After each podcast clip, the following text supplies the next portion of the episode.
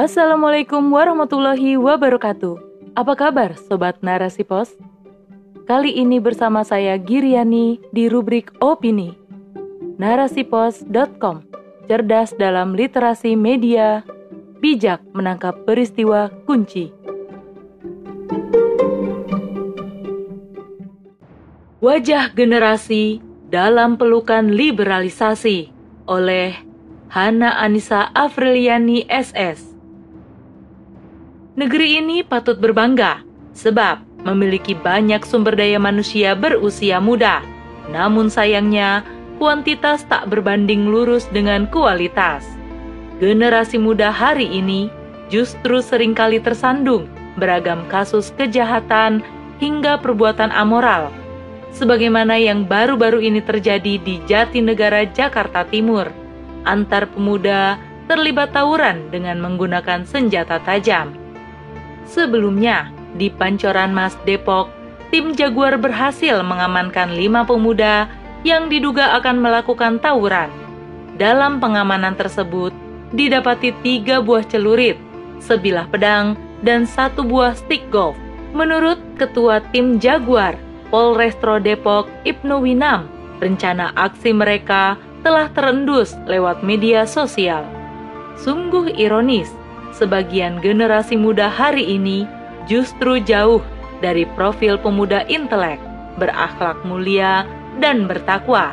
Sebaliknya, mereka justru banyak menjadi pelaku kejahatan, bahkan terlibat dengan aneka penyimpangan. Liberalisasi mengikis jati diri. Masifnya propaganda liberalisasi di negeri-negeri kaum muslimin, termasuk Indonesia, telah sukses melepaskan generasi muda dari ikatan ketaatan terhadap ajaran agamanya. Mereka digiring menjadi sosok pemuja hawa nafsu dan kebebasan dalam berpikir serta bersikap. Maka, jamak ditemui di sistem hari ini generasi muda yang telah kehilangan jati dirinya sebagai seorang Muslim. Ketika dihadapkan pada masalah, kekerasan kerap diambil sebagai solusi amarah mudah bangkit hanya karena terpantik oleh hal yang teramat sepele. Begitulah sosok generasi dalam didikan sistem liberal hari ini. Mudah tersulut amarah, mudah rapuh jiwanya, serta labil pendiriannya. Sejatinya, liberalisasi merupakan agenda barat dalam menumbangkan potensi generasi muda muslim sebagai pembangun peradaban Islam. Dengan serangan liberalisme, generasi Muslim dikikis jati dirinya, sehingga mereka tumbuh bersama beragam masalah di dalam dirinya sendiri. Alih-alih memikirkan urusan umat dan masa depan peradaban, menjadi problem solver atas dirinya sendiri saja, kerap menemukan jalan buntu. Tawuran, narkoba, miras, hingga pergaulan bebas adalah masalah-masalah yang mengitari generasi muda dalam pelukan sistem liberal hari ini. Jika hal tersebut dimaklumi sebagai bagian dari kehidupan modern khas pemuda masa kini, tentu kehancuran masa depan peradaban menanti di depan mata.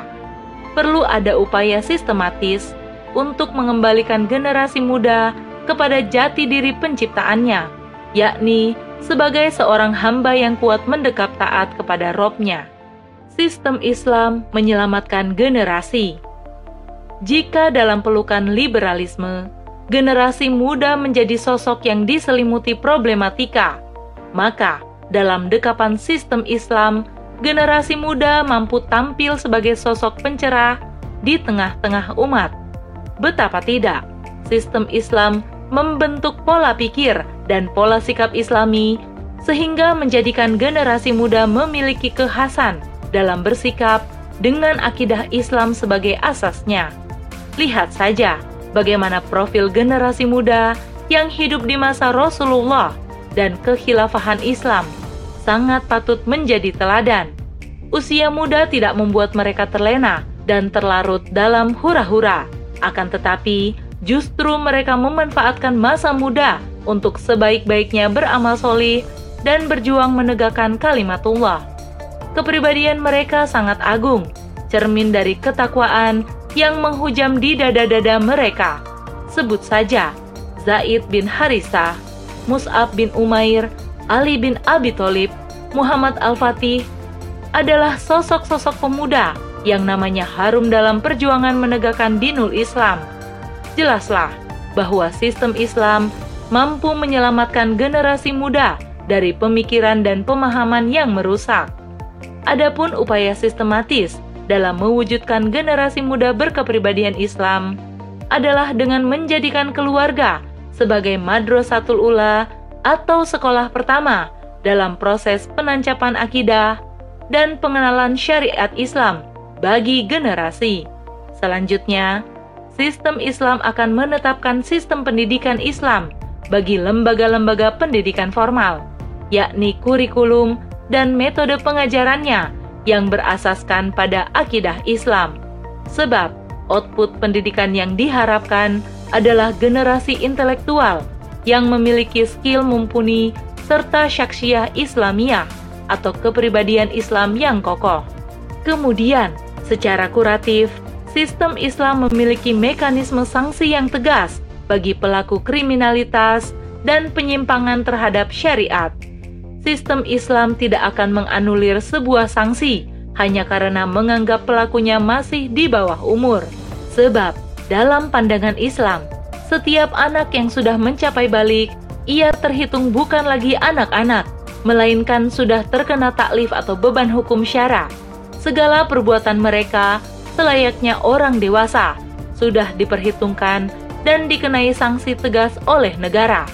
Jadi, jelaslah bahwa sistem Islam menawarkan kesempurnaan bagi pembentukan generasi beradab, jauh dari tindakan biadab. Adapun sistem Islam tersebut termanifestasi dalam sebuah institusi yang disebut Khilafah Islamiyah.